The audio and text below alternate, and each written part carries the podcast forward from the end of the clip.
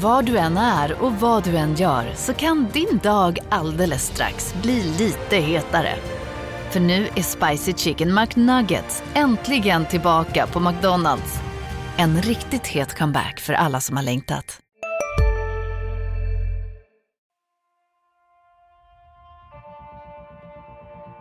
De kan skriva mina citat innan jag ens säger dem. Så Eh, Där har vi en dialog.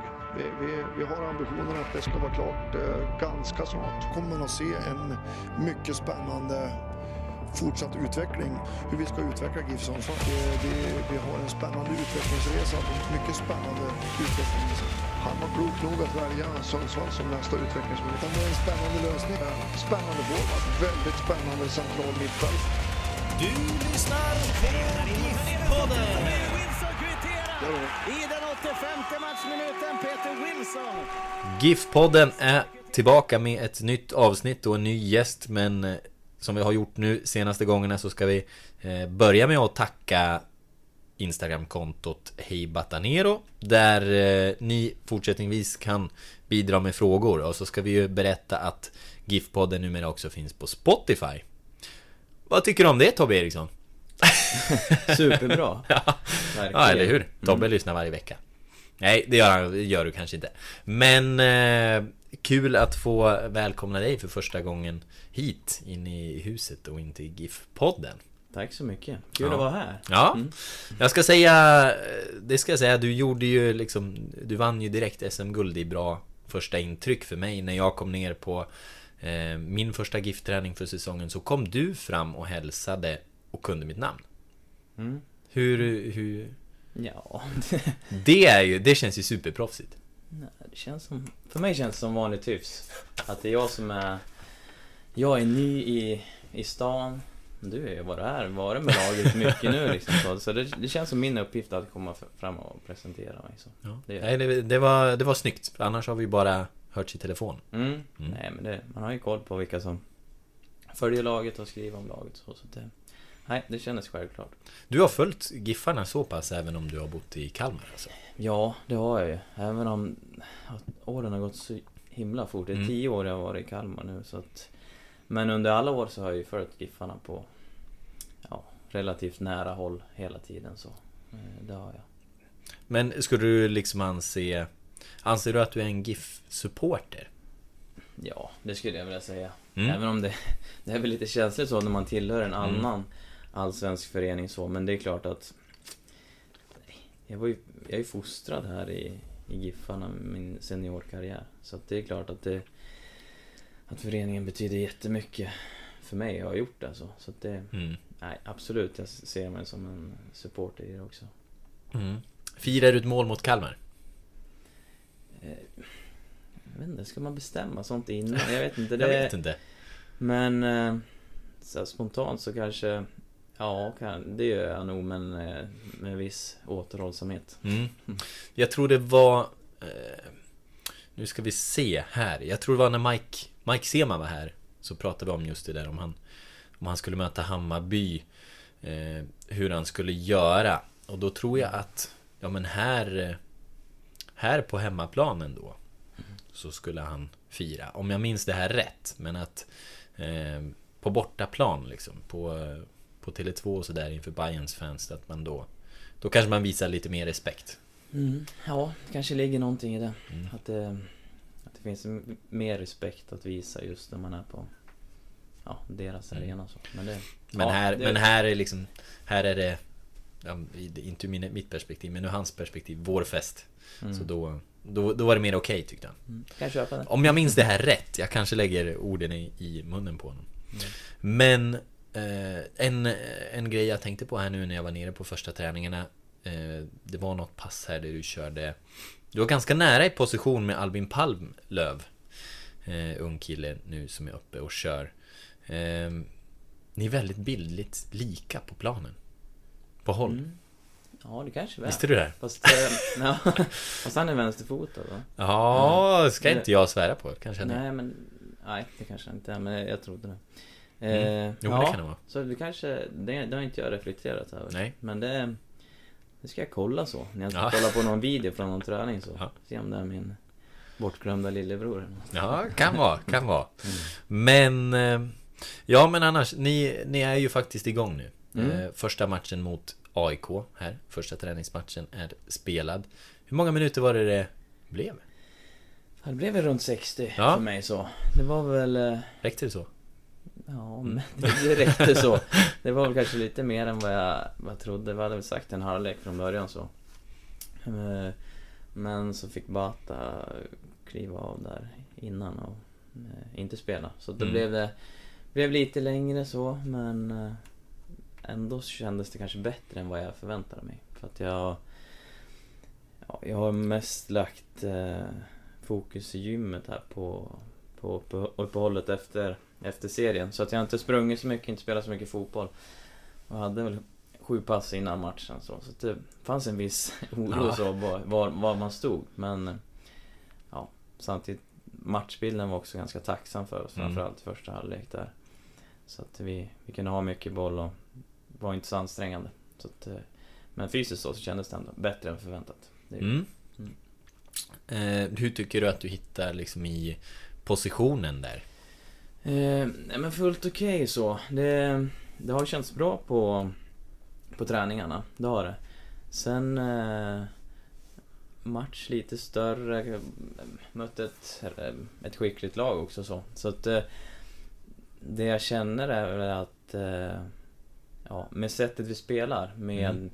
att positionera sig rätt och framförallt som central mittfältare hela tiden vara orienterad vad du har runt omkring dig. Mm. Så, jag tror jag sa det till, till någon reporter hos er efter matchen så att eh, ja, det finns nästan en viss känsla av att man blir hjärntrött. Ja. Alltså att eh, du får tänka så mycket hela tiden. Så i vissa perioder i matchen när det blir ganska intensivt så, så blir det att hjärnan kopplar ifrån lite Mm. grann. Så det kan jag ju känna så att det, det är en det är en skillnad och en vanesak som jag får, får träna på. Att hålla...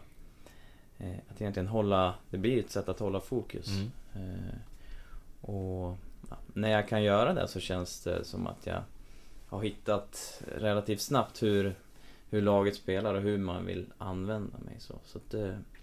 Ja, fullt okej. Mm. Mm. Ja, man undrar ju hur du eh, ser på det där också. Liksom, vad är det du har gett in på? Du ska in och konkurrera här med Batanero och Juanjo som när de har varit tillgängliga har de ju varit Mm. opetbara. Men det är väl främst på det, den positionen du är...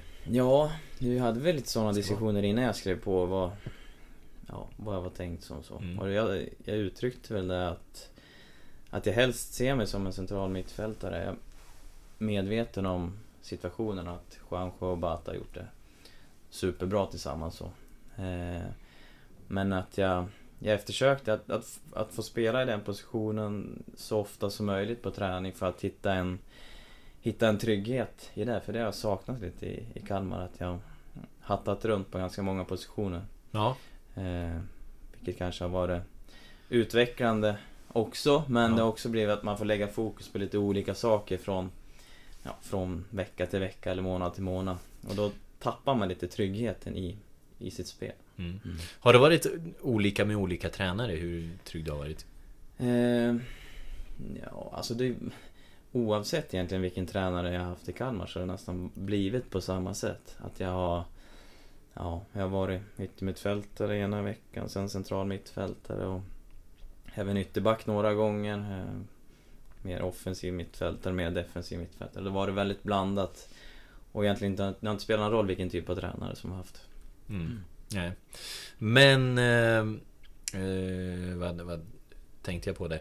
Jo men, jo men jag tänkte på Ni, eh, ni som mittfältare annars, jag menar är man Är man tillräckligt bra och har tillräckligt tydliga egenskaper kanske man också kan ha olika roller. Att utifrån matchbild kanske man kan eh, välja en annan. Och då Mm. tänker jag hur Hur skulle du själv säga att du skiljer dig i spelstil gentemot dem? Utifrån vad du har sett? Ja...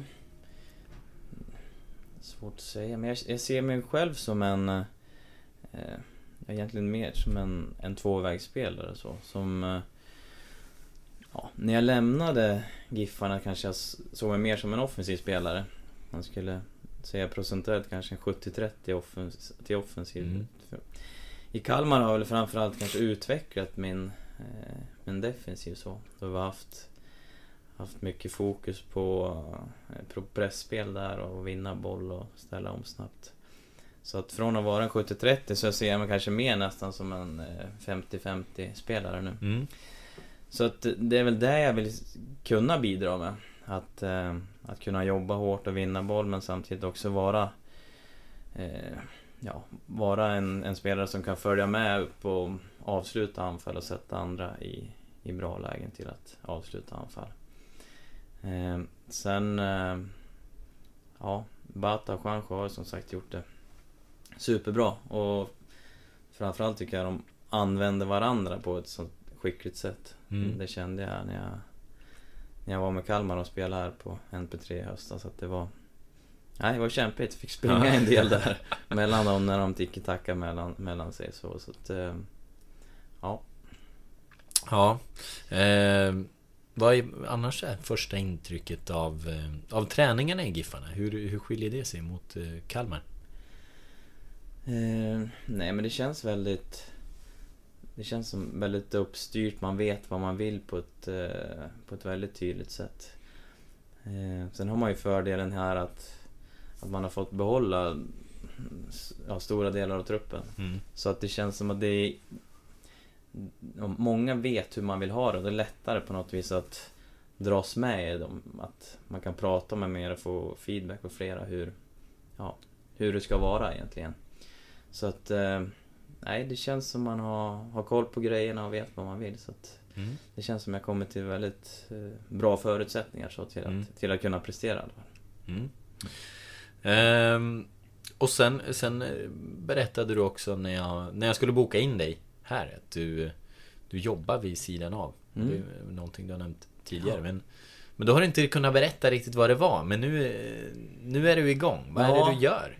Nej, det var, det var väl där innan som det inte riktigt var...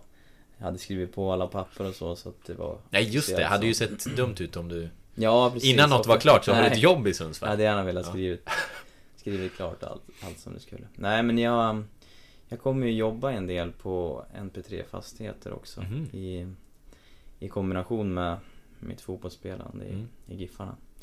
Det var väl egentligen en, en lösning som jag eftersträvade så den, när det kom upp på tapeten att, eh, att eh, jag skulle flytta hem så. Mm. Så att eh, jag börjar bli till åren och ja, har man lite planer på vad man ska göra sen och ja, det, det kommer ju en dag där fotbollen inte finns.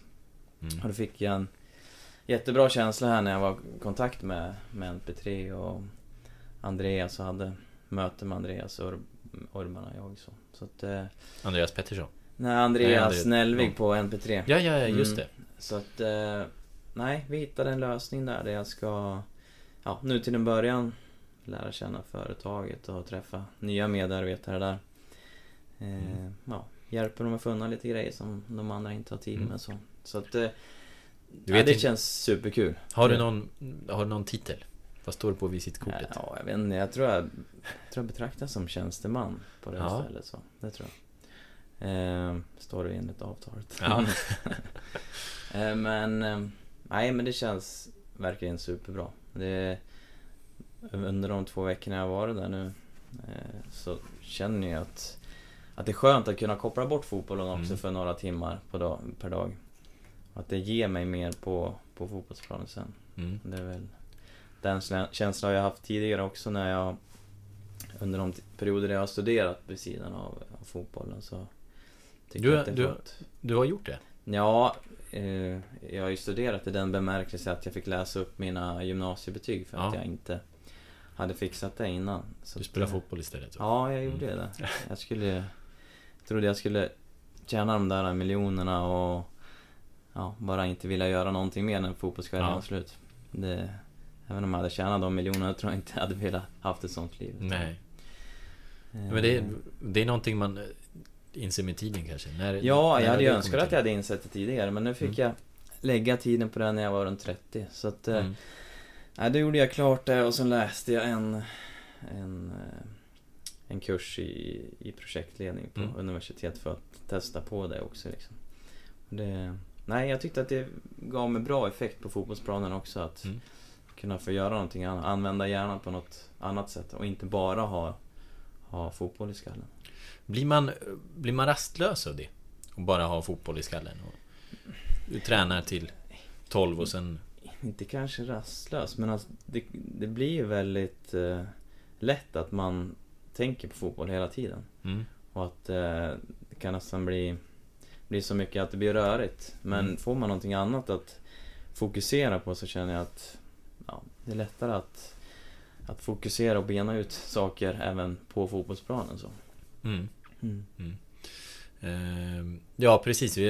Du kanske går och analyserar Ja, dålig då- träning eller tar precis. med en dålig träning på ett annat sätt hem. Exakt. Eller en dålig match eller Ja. vad det nu kan vara. Så får man någonting annat att koppla ifrån så tror jag det är lättare att, eh, att bearbeta sådana saker Mm. också. Mm. Mm. Vad...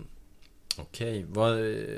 Om vi ska liksom vara lite så här kronologiska och eh, du var inne på gymnasiebetygen. Om det, det, blev, det blev som det blev, men, men om man... Mm. när, du, när du flyttade över till GIF, det var för fotbollsgymnasiet där i början. Mm, precis. Jag kommer ju från, kommer ju från Ljusdal där kom Och visst är det årgång 85? Ja, Mm, det var bra. årgång 85, stämmer bra. Så jag flyttade där tror jag var 2000... Var det 2001? Var det nog. Mm. Hösten där 2001. Eh, kom in på fotbollsgymnasiet. Körde eh, ja, en och en halv säsong tror jag i, i Tipselit i Giffarna innan jag 2003 lyftes upp i A-truppen. Och du var duktig 85 då? Ja, det var ju ett gäng som var rätt bra så. Vi gick ju tillsammans med 84 så gick vi väl till semifinal tror jag i, i SM Ja. det året innan mitt sista år i Tipselit. Så att, eh, nej, vi hade rätt, rätt bra snurr på grejerna. Mm. Vilka, vilka håller du högst där? I den årgången? Ja, Ja, alltså Kalle Ljungberg var ju den som var längst fram egentligen så. Eh, och den största talangen. Och han eh, höll ju också en väldigt bra nivå tidigt i, i Allsvenskan. Men tyvärr så drabbades han ju av en del skador så. Som Mm. gjorde att, att karriären hackade lite grann så. så att, eh, nej, det var tråkigt, tråkigt för honom. Mm. Men du, du fortsatte då och liksom tog dig upp. Men har du alltid varit talangfull? Ja du. Ja, jag har nog varit Ja, relativt talangfull och så. Det tror Mm. jag. I, I Ljusdal och så, så var jag väl en av de mest tongivande och spelade med de som var lite äldre så. Men sen när man väl kom till ja, landskapslag och sen till landslag så, så jag har väl aldrig riktigt sett mig som en utav de bästa. Utan eh, alltid legat kanske lite under det bättre skiktet så. Mm. Vilket eh, ja, har säkert varit en fördel också att man hela tiden har velat, velat bli bättre och velat nå upp till den, den nivån som man har sett att andra har varit på. Man brukade väl säga det om Teddy Lucic Att han Jag vet inte om jag sätter uttalet på honom Men, men att han, så här, vilken nivå han än spelade på Om det var landslaget och han liksom Mm. Hamnade mot eh, Figo eller vilken stjärna det kunde vara så Så gjorde han det alltid Stabilt liksom och Samma sak Men när han kom Hem till Sverige och spelade i Häcken så eh, Han glänste inte utan han var alltid stabil Men Mm. vilken nivå han än spelade på Om det var Bologna eller landslaget eller Häcken så var han Stabil Nej, Är det- ja jag kan väl känna Är- igen mig lite Ja. i, det. Även om jag säkert hade haft lite problem med Figo eller något sånt. Men... Teddy. Lucic smällde å andra sidan aldrig in några frisparkar mot Ljungskile Det Nej. kommer vi komma till sen Ja, Mm. okej. Ja. Nej, det har han inte gjort. Nej, men jag kan väl känna igen mig lite grann i den, i den beskrivningen så att jag kanske inte är någon som eh, nej, men som sticker ut jättemycket i mängden så. Den som eh, är kanske bäst på, på matcher och sånt utan eh, eh, ja, jag tror jag skulle, jag håller nog ungefär liknande nivå i Allsvenskan som jag skulle gjort i division 2 kanske. Mm. Alltså lika framträdande.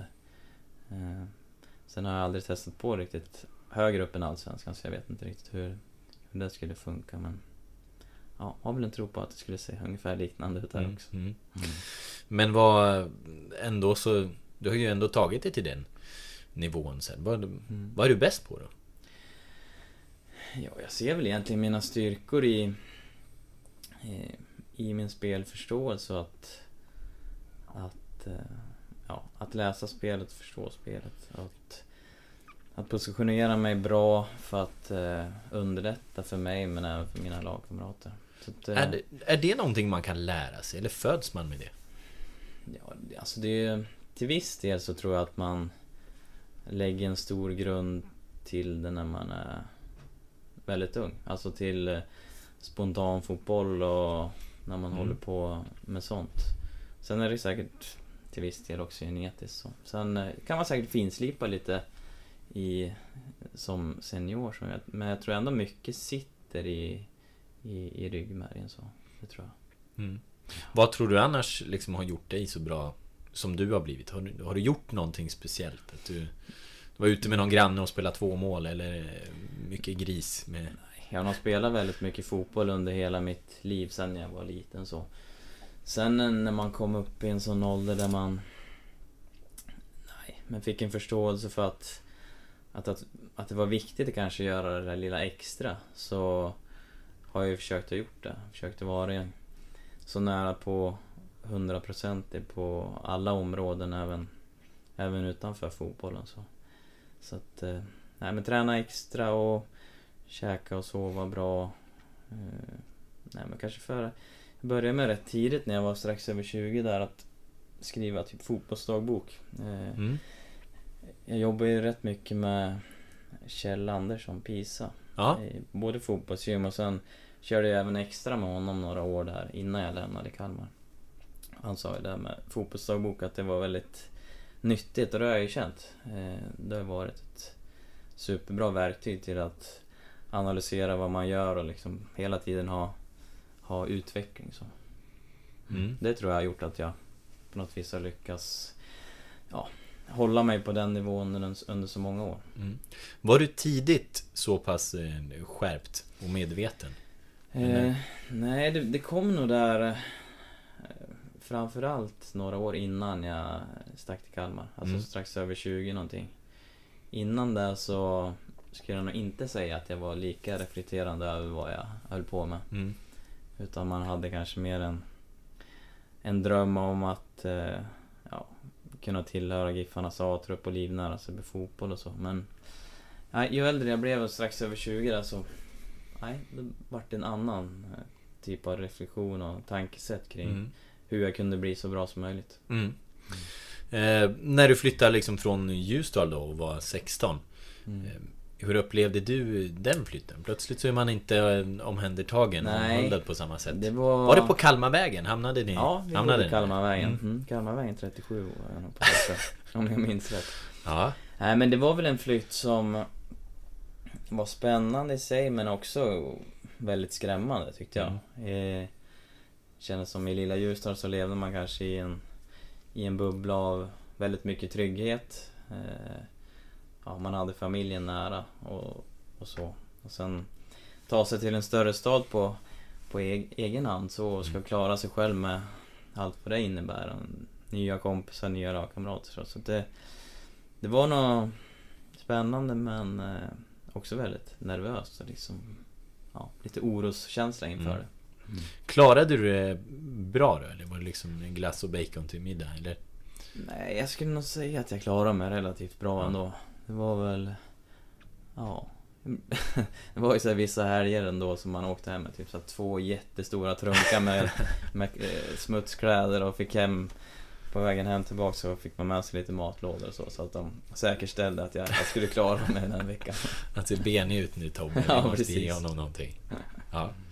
Men eh, Jag tänker ju också på att Du har inte fysiskt varit den eh, liksom, största spelaren heller och som, hur, Nej. hur var det som ung?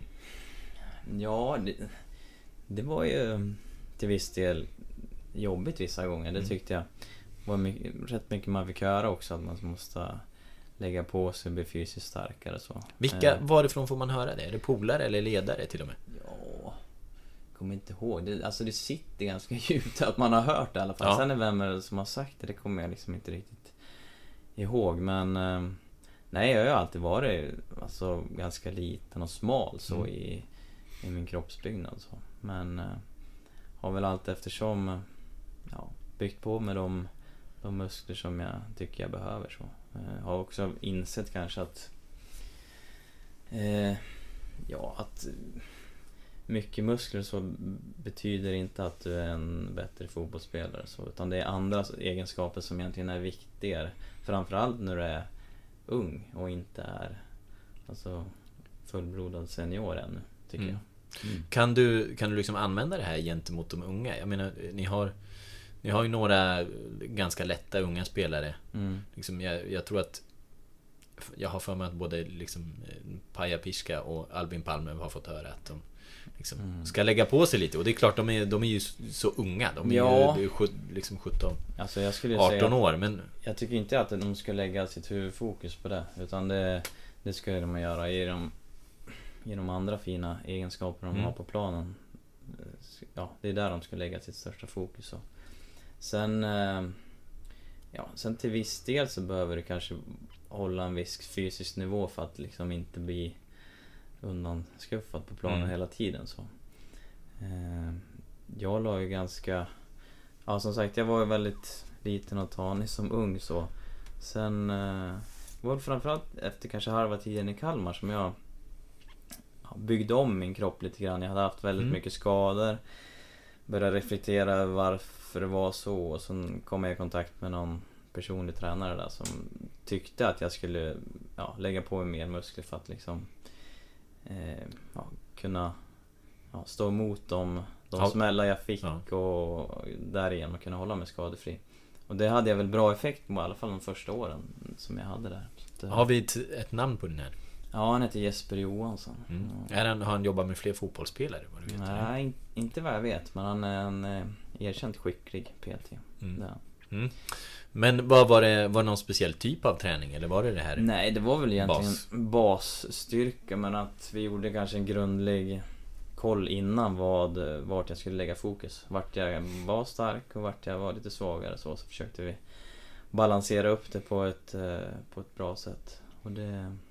Nej, från att ha haft mycket skador så hade jag väldigt lite där under säsongerna 14, 15 och egentligen också 16 när jag körde med honom. Och sen åkte jag tyvärr på ett diskbråck där mitten på 2016 som gjorde att jag kunde inte lägga den, den grunden efter säsongen som jag hade gjort de tidiga åren för att jag hade, hade problem att vara i gymmet överhuvudtaget. Hur, hur dök diskbrocket upp? Var det något speciellt som orsakade det? Eller var det... Mm, Nej, jag, jag skulle ju tro att, eh, att jag hade haft det under ganska lång tid men att det utvecklades då vi... Eh, det var en torr sommar i Kalmar så Mm. vi tränade på en väldigt hård plan och sen smögs det väl på lite successivt där.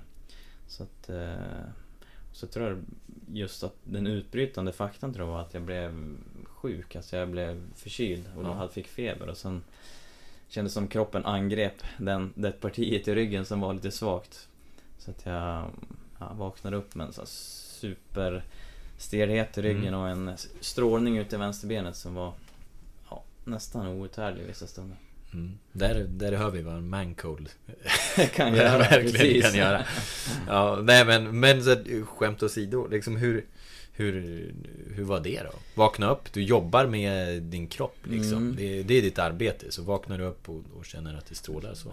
Ja, det är ju ingen jätteskön känsla där inte. Eh, jag försökte ju träna och spela några matcher där. Det gick väl okej, men jag kände mig otroligt begränsad.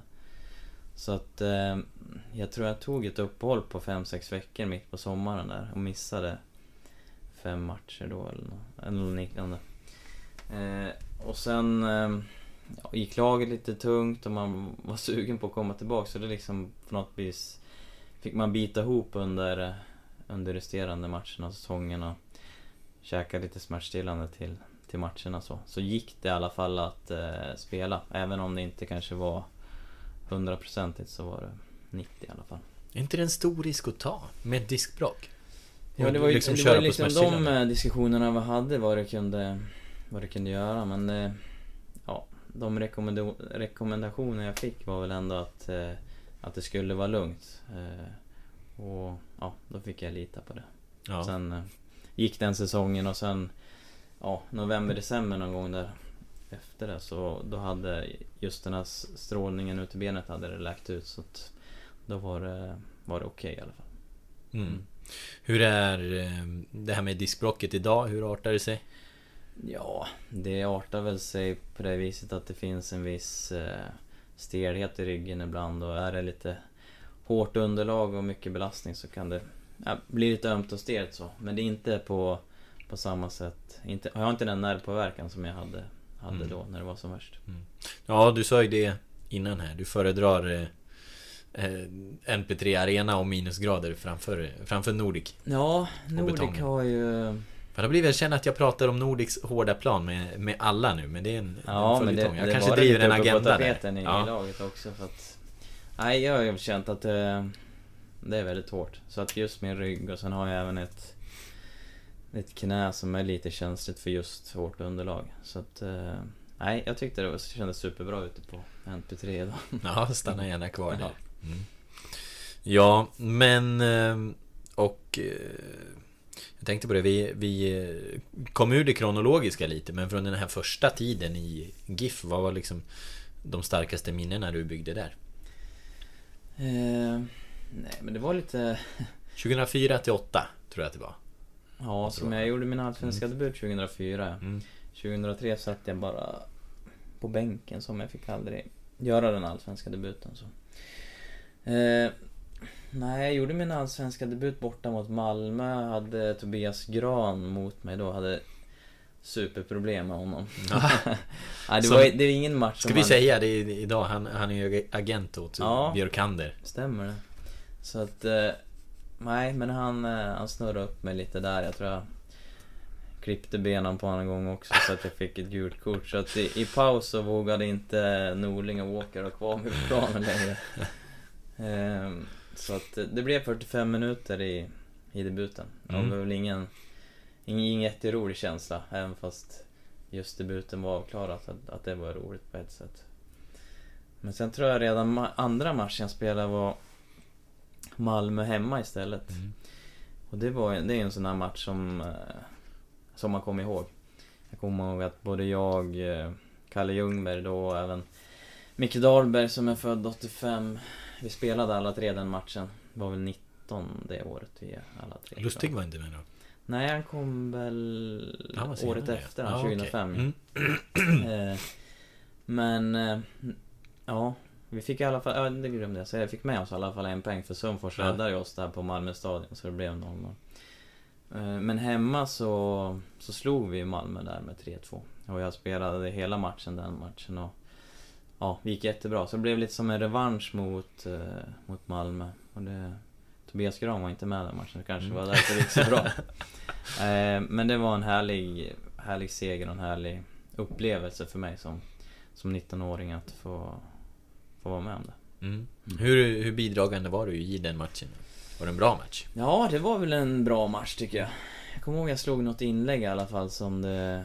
Eh, ja, som Wallerstedt nickade, som om det var någon som slog in returen där i alla fall. Men, eh, jag kommer ihåg det som en, eh, som en match som kändes bra. Mm. Mm. Gick, du, gick du fortfarande i gymnasiet då? Så, Mm, nej, det var väl 2000. då som jag hade precis tagit studenten Ah, okej. på, på våren det där året. Mm. Jag tänkte, du hade kommit tillbaka och varit kung i skolan. ja, precis. ja. Men... eh, Ja, och sen... eh, Sen kommer det där. Vi har kommit... Det, det är många som frågar om den här frisparken mot Ljungskile. Kom lite senare. Mm. Eh, blir det 2007? Sju blir det där va? Mm. Mm. Ja, det är... Eh, Det, det är ju den, det starkaste ögonblicket i, i min Ja. tid i förra ses- sessionen i Giffarna, definitivt. Sankala var ju här också och, och berättade om den. Mm. Sin, sin version. Vad, vad är din version? Ja, att vi hade Vi hade ju missat matchbollen hemma mot Degerfors. Så att eh, man åkte väl till Ljungskile med inte en jättesuperbra känsla så. Eh, och hamnade i tidigt underläge. Det kändes ju... Ja, i halvtid så kändes det lite hopplöst. Mm. Eh, Det fanns en viss tro på det men... Mm, ja, det, det var tungt i, i paus. Så fick vi i alla fall ett tidigt mål där när Patriksson rullade dit den. Ja. Och sen blev det lite hack i det sen när, när Lustig och ja, någon kille började bråka där och de skickade ut Lustig. Så att... Eh, Ja, då... Ja, fick vi jobba på med en man mindre, men... eh, Sankala sa det ju. Tobbe, ta hela högerkanten. Mm, det var ju typ så. Mm. Att, eh, att jag hade den för mig själv där. Fick, hittade ju ett bra skottläge där det Abu Baker Tabula spelade mig på banan. Sen sköt jag via någons skalle. Så att eh, vi kvitterade i alla fall. Mm. Och då, då var då, då fanns ju hoppet där, absolut. Känns inte alls lika långt borta. Och sen eh, klev ju Olander fram där i, i rättan tid på Arash inlägg där. Så det var ju... Ja, det var en sjuk känsla då. Mm. Och sen det sista som hände då fick jag dra i, dit den här frisparken som jag... Ja, nu i efterhand kan jag köpa de argument som säger att vi kanske skulle rulla ner den till hörnflaggan och hållit den där de, de sekunder som var kvar. Men på den tiden var jag ju... Var ju bara strax över 20 där så jag får skylla på det. Men vad, vad sa du egentligen? Nu var det, var det Arash och det var Patriksson som, som stod och dividerade om den eller? Mm, det kan... Det var Arash var i alla fall Mm. med så. Men... eh, Nej, jag tänkte det... Just där då tänkte jag, det är väl bättre att skicka in den i mål. Så, Sa du så det? klart. Du sa det till dem? Ja, det sa- sa väl, ja jag skjuter. Eller, Ja. eller i den stilen. Ja. Så att... eh, ja, men det... Ja, det var ju en euforisk känsla. Alltså den, den vändningen så, det kändes ju nästan obeskrivligt. Mm. Mm. Nej, en av eh, lyssnarfrågorna, det var ju från eh, Johan Martinsson. Eh, Mm. er kommunikatör. Har du dåligt samvete för att du sköt frisparken mot Ljungskile på mål? Mm. Istället för ner till hörnflaggan. Nej, det har jag väl inte just idag. Mm. Men jag pratade lite med Joel om det också att just... Ja, han eh, hade väl också den tanken då men att han tycker att nu hade han sagt att, han, att jag skulle skjuta medan Mm. jag är nog tvärtom att Mm. jag hade nog rullat ner den till hörnflaggan istället. Men eh, sen var det också eh, Felipe Cabrera har hört av sig. Han, han säger "Mm, Finns det någonting att berätta om miraklet i Ljungskile som vi möjligtvis inte redan vet? Han är ute efter de här saftiga feststoriesarna. Mm. Nej, inget vad jag kan komma på. Nu är det ju ganska många år sedan också. Ja, det är så allt är att jag- preskriberat. Att jag glömt eller Ja. förträngt något som hänt. Ja. Nej, men inget jag kan bjuda på så här. Men det var en bra fest efter. Ja, det var det ju. Det, det var ju riktigt party direkt i omklädningsrummet och sen hade väl hade väl ett chartrat plan hem till, Mm. hem till Midlanda som var var det lite fans där och så och sen, ja. Nej, det var ju fest. Det var Mm. det. Mm. Ja, kvarträtt plan. Det var lyxigt då. Ja, Mm. om andra tider kanske. Ja. Men eh, Ja eh, Nej men sen eh, Så småningom I de sekunderna när jag är i luften så är det en kamp på liv och död. I Spotlights serie Vinnarskallarna minns stjärnorna själva de dramatiska svenska sportögonblicken. Hör Anja Persson berätta om när hon kraschade i OS-backen men reste sig igen. Jag ville vinna över berget. Vinnarskallarna. Nytt avsnitt varje fredag. Sök efter podden Spotlight. Om en yogamatta är på väg till dig, som gör att du för första gången hittar ditt inre lugn och gör dig befordrad på jobbet men du tackar nej för du drivs inte längre av prestation. Då finns det flera smarta sätt att beställa hem din yogamatta på. Som till våra paketboxar till exempel. Hälsningar Postnord. då så dök det här med Flytten till eh, Kalmar upp Mm. hur, eh, hur gick det till? Eh, nej, jag fick ju veta om deras intresse redan på, på sommaren. Ett halvår innan jag gick dit, 2008. Eh, men att det ja, rann väl ut i sanden där lite grann och Tyvärr så åkte vi ur med Giffarna det året och jag kände väl att jag ändå hade gjort en, en relativt bra säsong och ville gärna eh, stanna på den nivån som Allsvenskan var. Så att eh, sen när det blev mer konkret med Kalmar där så... Ja, det är klart att det kändes... Det kändes helt rätt för mig då. Svenska mästarna ville, ville köpa mig så att jag skulle få komma dit. Så det, ja, det kändes som helt rätt steg för mig att ta vid det tillfället. Mm. Var, var det lika rätt sen när, du kom dit? Ja, men det tycker jag. Alltså det Mm. var... Det, det kändes väldigt bra och jag kom till en... eh, Till en familjär eh, förening som... Det var många personer där som hade varit under längre tid. Det fanns en kultur som... eh, Nej, som kändes bra. Mm. Eh, Och första året gick det också väldigt... eh, Väldigt bra för mig, för egen del så. Så att fick jag vara med på januari-turnén året efter där. Och nej, det, det var egentligen en superstart i Kalmar så. Det Mm. kändes helt rätt. Vi kom fyra där året också, fick vi vara med i Europa League 2010. Eh, Sen började väl 2010 där på sommaren att, eh, att jag fick min första skada. Som jag, första skada som jag haft i karriären så när jag behövde operera menisken. Eh, Och laget var inne i en, i en tung period och rehaben gick egentligen lite snabbare än vad den skulle. Så jag Mm. gick in och spelade tror jag redan två och en halv vecka efter operationen. Det låter jättetidigt. Ja, de, sa väl att det skulle kunna ta fyra kanske. Men Ja, okej. eh, det blev tidigare än så. Första matchen gick bra, andra... Eh, men sen var det tredje matchen där ganska tätt. Och då sa knät ifrån. Eh, ja, det blev väldigt svullet dagen efteråt. Så. Och sen var det så egentligen hela...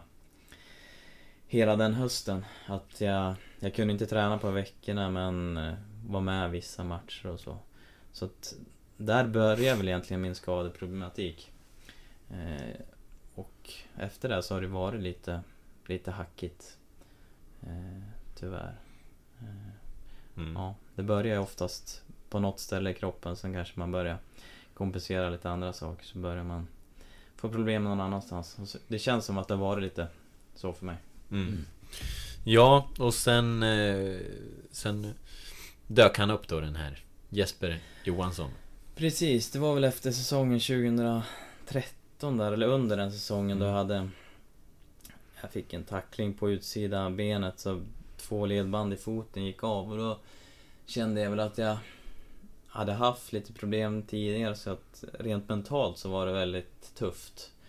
Så att, eh, att gå till eh, ja, Guldfågeln arena som vi tränade på då, att köra rehab igen och nu under lång tid kändes...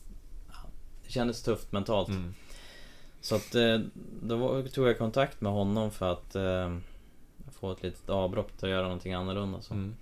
Och då körde jag med han några år där och ja, fick bra effekt på det. Fick en bra relation med honom och kroppen fungerade ja, väldigt bra där under framförallt 14, 15 och, och 16.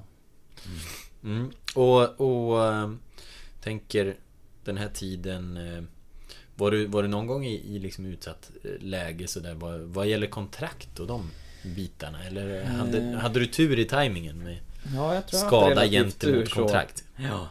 Eh, nej, jag hade nog nyss eh, skrivit kontrakt där 2013. Eh, så att jag har aldrig haft... Ja, det har inte varit riktigt dålig timing så. Det Mm. var väl egentligen nu som eh, senaste kontraktet som gick ut att jag 17 hade var borta stora delar och sen i fjol hade eh, hade vissa problem så. Som var första gången man kände att det kanske inte var optimalt inför en inför ett nytt avtalsskrivning. Mm. så. Hur var det, hur var det att ha Nanne som tränare? Han har ju det här Jobbar han inte mycket med det här Kaizen? Heter det va? Jo, Tron på Kajsen ja. Ständig, Kaizen? Ja, eller Kajsen. Jag vet inte vad man säger. Men ständig oupphörlig förbättring i alla fall. Ja Nej men det, det jobbar jag med en del. Och det är väl något som jag...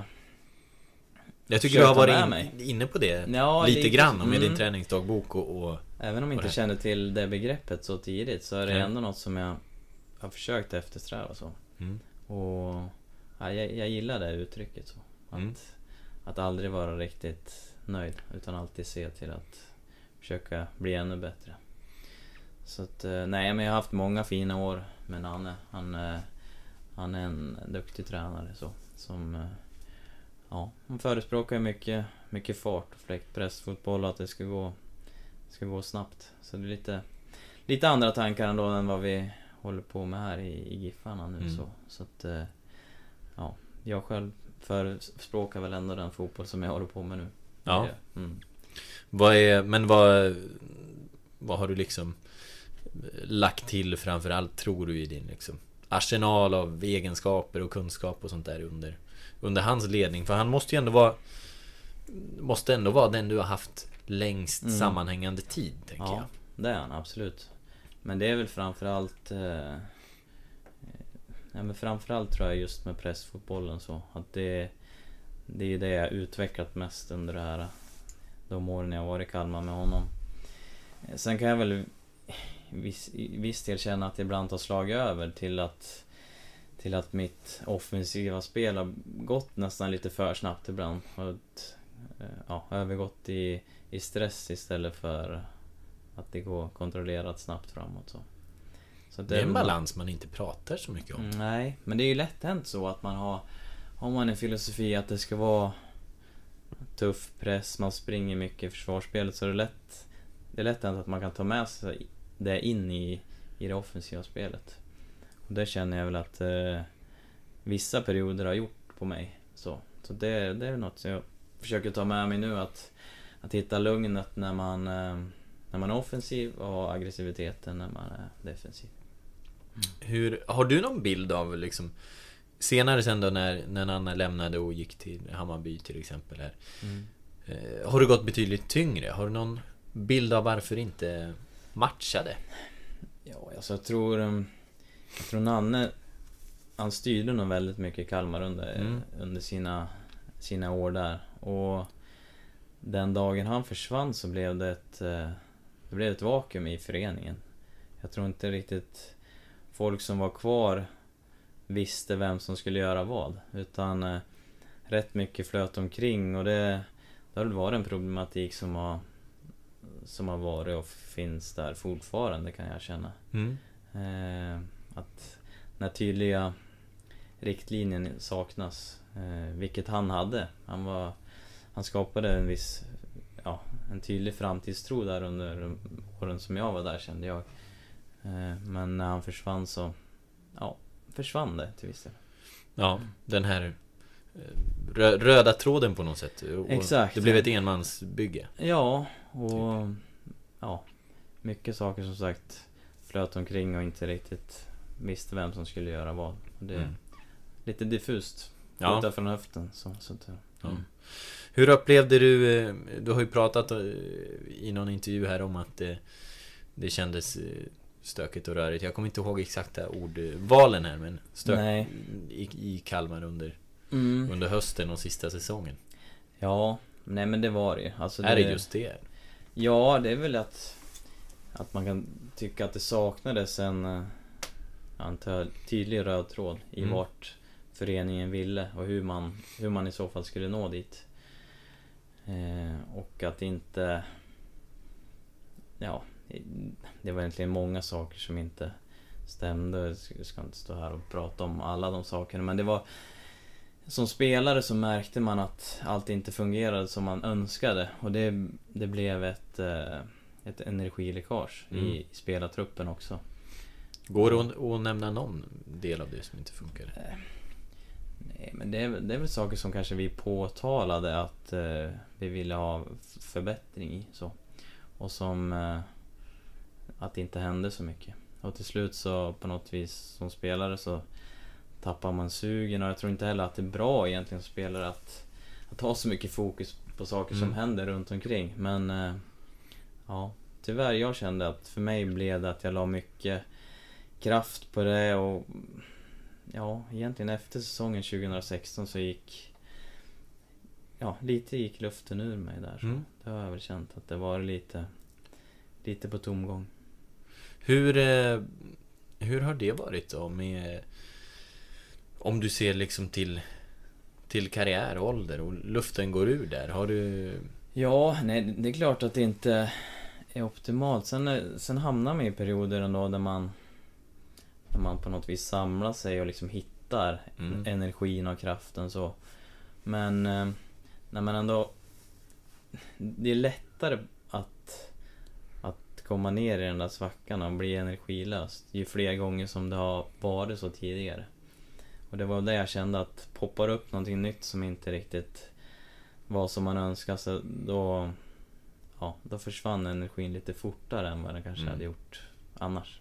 Mm. Men det var inte så att du började tänka Fan jag borde lägga av eller jag borde dra eller Nej, alltså inte lägga av så men det... Jag hade väl en känsla ibland av att nej, jag, jag skulle vilja komma bort från Kalmar och testa någonting annat. Mm. Så är det ju. Men...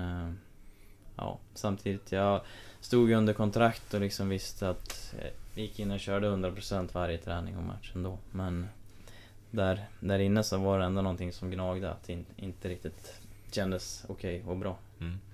Eh, Jag tror också det var någon lyssnarfråga om eh, Rydström här under hösten. Borde Mm. han... Eh, vad, vad tyckte du om honom?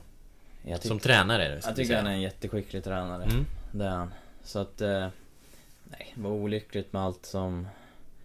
Allt som blev där på sättet tycker jag han... Han behandlade så. Det var egentligen inte... Inte värdigt honom. Sen... Eh, sen egentligen, jag tror för... För föreningen i Kalmar så... Ja, kan det säkert vara bra att fått in något helt... Helt nytt blod och börja om lite från början och... Framförallt för Henke personligen så tror jag att det var superbra för honom att komma bort från Kalmar. Att, eh, det tror jag är jätteutvecklande för honom. Så det ska bli spännande att se vad han kommer uträtta i Sirius. För att, eh, nej, han är en, en väldigt ambitiös och duktig tränare. Så, så att, Borde de, borde de ha gett honom mer tid då? Eh, ja, man kan väl säga att jag tror att eh, rent fotbollsmässigt så hade de kändes som att de inte hade jättekoll på vad han stod för och Mm. att det egentligen inte hade spelat någon roll utan man... Han sa vad han tyckte och tyckte som mig i många fall att vissa saker inte var tillräckligt bra. Och det gjorde väl honom obekväm också så jag tror mycket av beslutet tror jag var personligt så det hände inte så mycket om fotboll. Mm. Mm. Och det kanske även om det då hade handlat om fotboll så kanske Skärningen dem emellan då hade varit Ja, inte hade varit historia. hållbar så. Mm. Så att, eh, nej, jag tror att det var olyckligt med allt som, eh, hur det hanterades men kontentan av det tror jag ändå blir bra för alla Mm. parter tror jag. Mm. Ja, det var en eh, lyssnarfråga. Den eh, frågan om honom som tränare kom från Edith Einarsson. Mm. Eh, som också frågar, några sköna Rydström-historier borde väl finnas? hur tajta, också som följdfråga, hur tajta var de där shortsen egentligen? Ja, de var ju jättetajta. Mm. Sen vet jag att hans, eh, eller lagledaren i Kalmar, hans eh, fru var duktig på att sy så hon fick väl sy in dem ännu mer där så att de skulle bli ännu tajtare. Så att, eh, ja, han gillade tajt på underbenen. Ja. Eller- Det var inget som, det var inget som smittade av sig liksom på resten av laget? Nej, det var Nej, ingen, ingen, shorts, ingen bra copycat ut. i Nej. laget så som Nej. ville... Det var mer åt andra hållet. Många som skulle ha stora, stora grejer. Ja, Mm. man eh, undvek att göra som Rydström. Mm, lite så. Sen är han, är duktig på att använda rakhyvel så han är helt... Helt len på hela kroppen där. Raka benen med varje träning och så. så att, mm. Det är sant. Mm. Fint. Men ja. Och det smittar inte heller av sig. Eh, nej, det har jag också gjort några gånger men jag ska vara helt ärlig. Men man, man har den tron att kanske gör, gör mig någon hundradel snabbare på planen eller något. Ja, prova. Är det något du kommer plocka fram nu? Ja, inte kanske just nu, den här äh, närmaste månaderna men framåt maj, juni där så är det inte, inte omöjligt att det kommer skina om benen där. Ja, ja, vi får se. Det här ska vi hålla utkik Det får vi hålla utkik efter. Mm. Men... ehm, ehm, ja, eh, i Kalmar också förresten. Ste- Stefan Olander. Låg, Mm. låg du bakom eh, värvningen där av honom? Ja, jag vet inte men jag tror att jag Är det en myt som han pratade med? Svante Samuelsson äh, som var sportchef vid den tidpunkten. Och nej men jag tipsade om att, att Stefan var en, en, en skicklig mittback och att Kalmar behövde en sån just för den, den tidpunkten. Så ja, det, det är klart att jag försökte lägga in ett gott ord för honom. Mm. Absolut. Så att det, det var kul att han var där under den tiden. Det var inte så länge men ja, ett ett halvt år kanske Mm. drygt. Någonting sånt där. Mm. Eh, var, du, var du nära någon utlandsflytt någon gång när i yngre dagar? Eh, det var väl framförallt kanske det året 2009, första året i Kalmar som det Som det fanns eh, intresse från Ja, om det var Holland tror jag framförallt och Mm. Eh, PSV. Eindhoven. Det var PSV? Mm. Så finaste möjliga i princip? Men eh, det vart ju aldrig något eh, konkret som jag fick eh, ta del av så. Nej. så att, eh, men annars har det varit rätt, varit rätt lugnt. Det var när mitt kontrakt gick ut 2012 med Kalmar så kollade jag. Då var jag sugen på att testa någonting utomlands. Och kollade verkligen den möjligheten. Men det dök väl inte upp någonting som kändes så pass bra så att jag skulle vilja ta det utan det var Ja, det var lite franska andra ligan, det var något i Kazakstan då som var lite Ja, ja. Kändes lite Lite för osäkert tror Ja. jag för att dra med sig familjen och så Men eh, Ja Nej det har jag inte fått testa på, det är väl något som eh, Jag hade önskat egentligen när man När man ser tillbaka på det men Mm. Ändå tacksam för allt Den Mm. karriär jag haft så. Mm. Ja, du pratade ju om det liksom som eh, Att du som yngre där, att det var en En väldig dröm liksom Mm. Spela utomlands, tjäna, tjäna miljonerna Ja, man hade ju det då. Ja. Eh, Men just att... att få Det kan ju vara en drivkraft då Ja, det var det säkert. Men just att få testa på eh, Ja men livet, att vara ut, utlandsproffs, vad det skulle innebära och vad det skulle vara för skillnader hade varit eh, intressant att få se. Men eh, nej, nu, nu blev det inte så. Är det någonting du tror du kommer gräma dig över? Nej, inte som det känns just nu. Det Mm. gör det inte.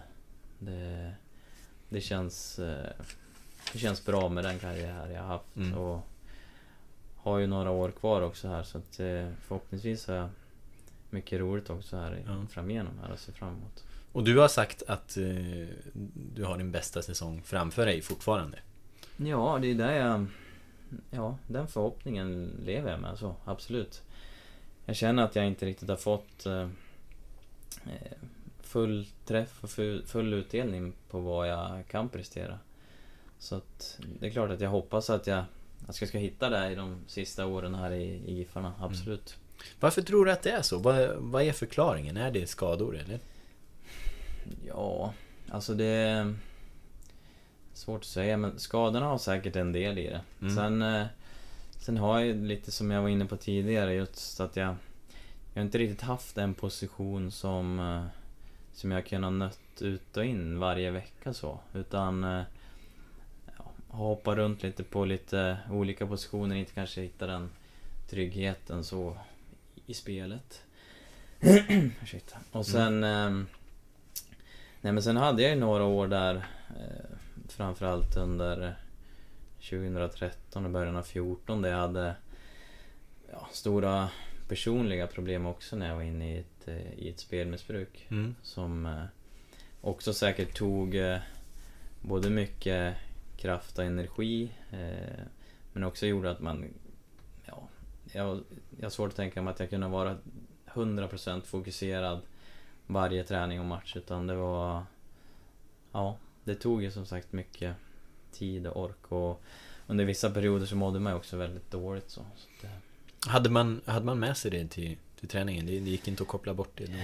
ja, det hade man ju. På, på Så- vilket sätt var det kvar då? Är det Ja, det kan skulderna som gräver, grämer en eller är det Ja. spänning inför nästa? Lite både och skulle jag Ja. tro. Det kan ju vara att man hade Hade förlorat väldigt mycket precis innan eller att man eh, Ja Såg framför sig någonting man såg fram emot att man hade Spelat eller något som Ja, som man nästan hellre ville Se hur det gick än att spela matchen. Mm. Så att eh, Det är klart att fokuseringen och energin inte fanns där kanske till Till 100% alltid. Hur eh, Kommer du ihåg liksom hur du Hur drogs du in i det? Hur, hur hamnade du i, i spelvärlden så? Ja, alltså jag har ju alltid varit intresserad av spel sen Mm. jag egentligen var väldigt ung. Och det där har liksom följt med under, under hela tonåren och i, i början av tiden här i, i Sundsvall. Eh, sen...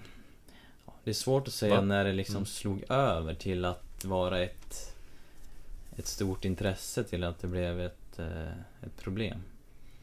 Men ehm, jag tror största anledningen är väl att just de De saker man kan spela på med snabba Snabba stora pengar där det liksom rullar hela tiden var nog en bidragande faktor för mig så började nog redan där vi, när man när pokerns in, intåg Mm. i, i, i spelvärlden så eh, och sen har det säkert gått upp och ner i vissa perioder men att eh, Ja, till slut så kom det till en gräns där man Man har svårt att för, förstå det då och liksom greppa det men att Att det rann över till att bli Ja, väldigt ohälsosamt och Ja En väldigt jobbig, jobbig tid Mm. Var, det, var det poker framförallt? Ja, det- Sund, alltså det Sundsvall bör- är ju annars liksom både kasino och travbana. Mm, Det är ju- Ja, det, alltså mitt största intresse det har varit travet egentligen. Det har det.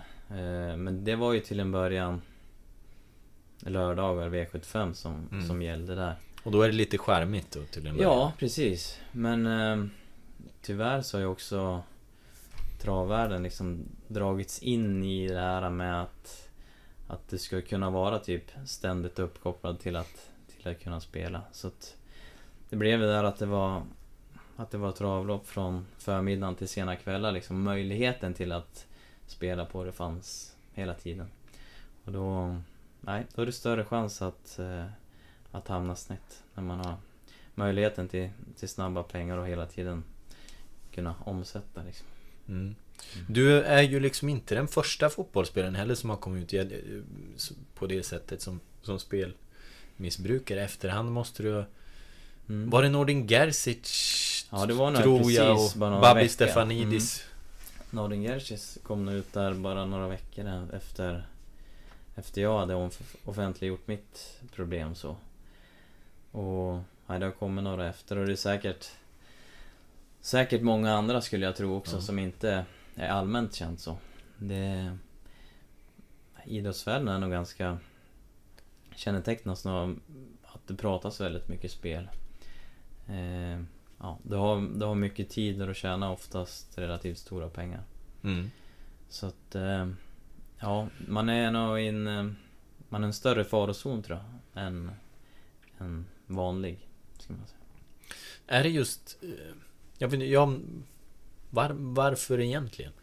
Det är flera också som tror och liksom Mm. spekulerar i att det, det finns ett stort mörkertal bland Mm, det tror jag med, Ja. absolut Eh, Men jag tror Man i och med att man spelar matcher och så vidare så får man en viss Man får uppskattning på kickar i På det Sen söker man och det på På andra ställen också Och spelet ger ju det Ger dig det till Till viss del eh, Men eh, Nej tyvärr, man pratar ju inte så. Nu har det ju blivit mer uppe på tapeten att det finns en, en baksida med alltihop. Mm. det, det är jag väldigt glad för att, ja, att det har blivit. Så att eh, jag hoppas alla, alla yngre som håller på med spel liksom vet vad det kan innebära och är, är försiktiga med, med vad man gör. Pratas det om spel i omklädningsrummet? Eh, här vet jag inte riktigt. Här har jag inte varit så länge så det har jag inte upplevt. Men, men, men eh, av tiden i Kalmar så, ja men absolut. Det gör det ju. Mm. Ja, det gör det. Vad, är, vad gör du då med, med din bakgrund? Låter man det passera eller? Eh, Ja, det, alltså jag låter passera. Det gör jag. Det är ingenting som jag är intresserad av att lyssna av så att Endera går jag därifrån eller så bara slår jag dövörat Mm. till. Du blir inte liksom förbannad? Nej. För, för de känner ju till det förmodligen. Ja, Din- din nej men det, det jag kände var väl i, i början när jag I början när jag hade pratat om det så, så kände jag väl att det var Att det fanns en stor respekt för att man inte pratade om det när jag var i närheten så Men eh, Allt blir ju vardag igen och alla har inte kanske varit med på eh, Riktigt på den resan som jag gjorde heller där så att Det Nej, det var väl inte riktigt så de senaste åren så men det är inget Inget som jag liksom bekommer mig på det sättet. Mm. Var det... Vände sig andra med samma problem till dig efteråt? Eller liksom hörde av sig? Eh, ja, jag har varit i kontakt med personer efteråt som har hamnat, hamnat snett i med sitt spelande så. Mm. Har försökt vara en... Andra idrotts... Inte idrottsmänniskor utan eh, ja, icke fotbollsspelande vanliga människor om Mm. man säger så. Mm. som jag har försökt eh, Ja men stötta och framförallt kanske berätta om Om min historia så För att ge Mm. en För ge dem en känsla av att de inte Står ensamma och är Unika på det sättet utan eh, Jag har också varit där och jag vet Hur dåligt man kan må och vad allt vad det innebär Mm. Vad... Jag tänker när, när man är... Du är ju på insidan av fotbollsvärlden så... Eh, har, det någon gång, har du någon gång liksom slagits av tanken att, att spela på egna matcher eller andra allsvenska matcher? Ge sig in i det? Du har ju med en annan insyn. Alltså när, när jag var i missbruk, Ja. jag tänkte så. Men nej, det var... Alltså det är klart att stryktips och så var ju en del av, av det som man spelade på ibland. Mm. Och då var ju allsvenska matcher med ibland så. Men inte på det sättet att jag har, har spelat på egna matcher och... För det, det, det har jag ändå försökt undvika så. Mm. Att det, jag Och där- ändå för- haft en där hade du åkt dit att, också Ja, på- haft en förståelse för att det inte, inte är bra och inte okej. Mm. Mm. Men vad, hur insåg du det då? Vad var tipping point? När jag kände att jag hade att, ett problem. att du hade liksom. ett problem? Ja, det var nog att jag... eh, Ja, man började känna att man... eh, Man åsidosatte saker som man... Ja, som man vet egentligen är det käraste man har. Eh, Att det inte betyder allt just då, utan spelet blev viktigare. Eh, Och att jag... Ja, blev irriterad när jag inte fick, inte fick spela och inte hade tillgänglighet till det. Eh, och så märkte man ju också att liksom, ja, pengarna rann iväg och ja, skulderna blev större och så. Så då, då insåg man väl att man hade problem. Och när man väl har insett det för sig själv så Ja, då tar det ändå tid innan man ja, vill berätta det för andra för att det Det finns ju en, en skam i vad man har ställt till med och vad man har gjort så.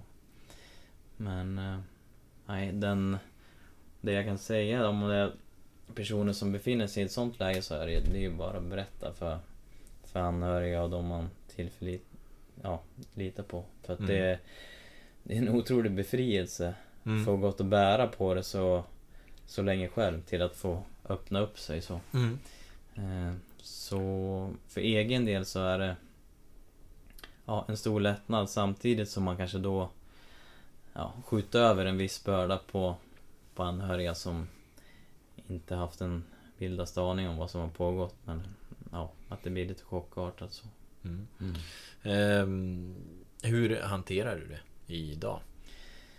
Ja, idag känner jag mig väldigt stabil i det så. Att jag, jag vet att jag inte... Ja, jag kan inte spela så för att jag har... Eh, det kan gå väldigt snabbt till att... Till att man tycker att det är kul till att det blir ett problem. Mm. Så att... Eh, spel är ingenting för mig och... Nej, framförallt så försöker jag liksom jobba med mig själv. Att, att utveckla mig själv och se vad jag gör. Skriva dagbok på kvällarna för att se Mm. vad jag gör på dagarna för att hela tiden liksom ha, ha en utveckling i sig och inte, inte börja med något destruktivt beteende igen. Mm. Mm. Så det är, inte bara, det är inte bara en träningsdagbok längre utan det är... Nej, den har övergått mer till en, Ja. till en allmän dagbok Ja, så. en livsdagbok. Mm. Ja. Men... ehm, Ja, det, det är väl kanske ett bra, bra sätt att hantera. Vad, vad, Det tror jag är ett bra sätt för alla oavsett Mm. om man har varit missbruk eller inte. Att reflektera över sina, sina handlingar och vad man gör på Lå- dagarna. låter ju nästan som en Kajsén-grej liksom. Ja, Det är det nog. Bor någonstans. bor nog en liten Anna, det sitter en liten Anna Ja. på min axel. Ja, eller så är du köpt av Toyota. Jag, jag tror att Kajsén-grejen kommer från Toyota. Jaså? början. Ja, det är mer Ständig ja, Ja. förändring genom små modifieringar. Liksom. Mm. Ständig förbättring. Okej. Ja. Men, eh, eller så blev Nanne eh, köpt av Toyota. Men, men annars, liksom klimatet runt fotbollen Mm. nu ehm, och idrott överlag. Kollar du på Champions League, eh, du kan ha sex spelreklamer Mm. i, i Ja, det paus. Vad, vad tycker du om det här? Nej. Nej, alltså det... Jag ogillar det ju skarpt. Mm. Det... Det... På något vis så förstår man ju att... Att det verkar vara en väldigt... det verkar vara en väldigt bra business. Och då, då tänker man hur, hur många egentligen är det som, som spelar och kanske spelar för mer än ja, vad man ska. Mm. Eh, för det, det, det poppar ju upp nya spelsidor och kasinon känns som varje vecka. Och som du säger, är man, kollar man på en fotbollsmatch så ja, det, det är hur mycket reklam som helst. Mm. Så det, det är klart att jag tycker att det, nej, det smakar lite illa i min mun och jag tycker att det, att det är oroväckande. Mm, utvecklingen som, som sker.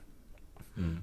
Jag tror, eh, ja det är ju något spelbolag liksom som, som samarbetar med Svenska Hockeyligan och, Mm. och sådär. De, de letas ju in här också. Det är ju Ja, precis, som, precis som man, alkoholen gör liksom. Mm. ju du kan ha en Falcon alkoholfri arena liksom. Du, du hittar lite täckmantel och, Ja. och sätt att ge dig in. Om, om ett spelbolag skulle vilja sponsra Giffarna, skulle du göra någonting? Skulle du ta ställning? Ja, jag skulle ju helst Helst se att man inte gjorde det. Mm. Så att eh, Nej, det, det hade känts fel att springa runt med en sån logga på matchdräkten. Mm. Det kan jag säga. Mm. Mm. Ehm, men eh, vi, har, vi, vi har lite lyssnarfrågor Mm. eh, kvar. Ehm, någon handlade ju om position. Vi, vi pratade ju om eh, vad du skulle bidra mest. Och där har vi varit inne på centrala mittfältet. Så jag, jag tror vi hoppar vidare. Men eh, Edith Einarsson, det är, vi har några första lyssnare som alltid gillar att fråga. Edith är en, Mm, en jag sån. känner igen Edith. Ja. Mm. Hur avgörande var Joel och Giffarnas sätt att spela för valet att komma hem? Och fanns det andra tankar? Eh, nej men det är klart att det, det var en avgörande faktor så. För att jag har haft... Eh, jag har haft kontakt med Joel under många år. Efter eh, jag lämnade Giffarna också. Vi har träffats emellanåt och pratat, pratat fotboll och pratat hans filosofi och hur han jobbar med ett lag så. Men det är just han Som jag som du har pratat haft med. kontakt med? Ja, det är framförallt hon, Mm. honom. Så att... Eh, ja, jag hade ju... s- När jag, när jag har hört det så har jag liksom känt att... Ja, det hade varit jäkligt spännande att, att få vara en del av det och se Mm. vad man skulle kunna åstadkomma. Och, ja, jag har ju sett mycket matcher och tycker Giffarna har spelat på ett väldigt attraktivt sätt. Eh, också haft väldigt... Verkar som man haft en väldigt utvecklande miljö. Många som har tagit stora kliv i, i, i Giffarna här senaste, senaste åren. Så att det är klart att det var... Att det kändes väldigt bra när, när, när det blev aktuellt och att vi slut kunna ro det i hamn. Mm. Ehm, vad, har, du- har du varit nära någon gång tidigare? En, en flytt tillbaka hit?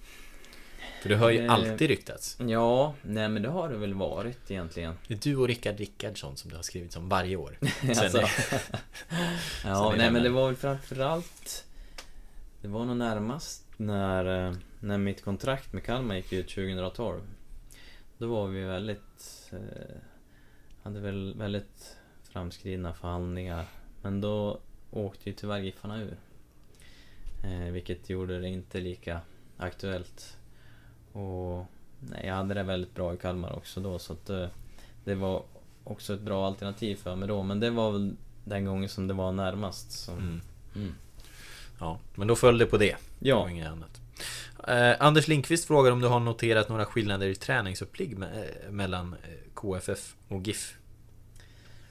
Eh, rent, rent generellt så tycker jag väl att man har tränat lite... Vi tränar lite lugnare här i, i Giffarna än vad jag är van vid i, i Kalmar. Eh, men sen känns det som man har... Ja, men är ännu tydligare med vad man med vad man vill. Det känns som att det finns en en röd tråd i varje träning i vad som symboliserar med vår filosofi. Mm. Som man kan känna igen så. Och det, det känns såklart superbra. Så att det är väl skillnader som jag har märkt av.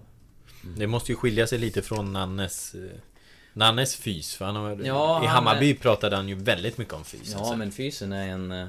Fysen och fasta, det, det, det är viktiga faktorer för honom. Ja. Mm. Men eh, vad tycker du då om, om det där? Att, att ta lättare på de delarna?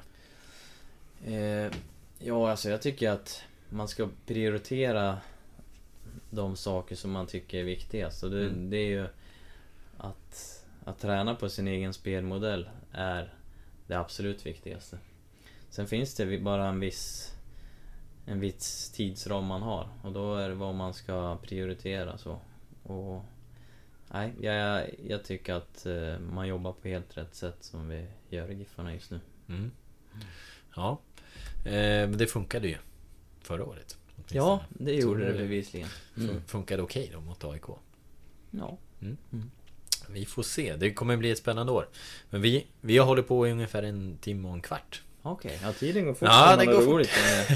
Så vi ska börja runda av. Mm. Men vi får väl se. Eh, nu har vi liksom fått vara lite kronologiska. Man hade kunnat stanna mer på, på något ställe sådär. Men då får vi väl bjuda in dig igen kanske framöver i Ja, sommar. får göra det. Tar vi in dig igen. Mm. Men eh, det är en bra radioröst så det, det funkar. Okej, kanon. Mm. Men tack så mycket Tobbe. Tack själv.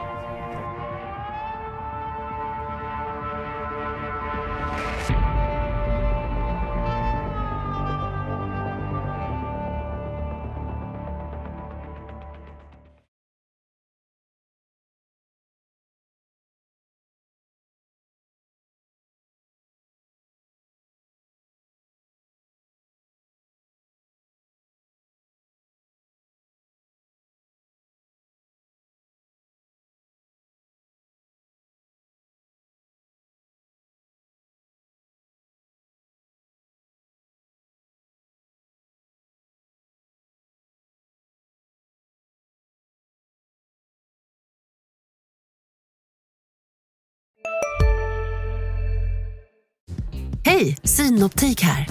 Så här års är det extra viktigt att du skyddar dina ögon mot solens skadliga strålar. Därför får du just nu 50% på ett par solglasögon i din styrka när du köper glasögon hos oss på Synoptik. Boka tid och läs mer på synoptik.se. Välkommen! Det där var för att uppmärksamma er på att McDonalds nu ger fina deals i sin app till alla som slänger sin takeaway förpackning på rätt ställe. Även om skräpet kommer från andra snabbmatsrestauranger som exempelvis Ma... Eller till exempel Burger...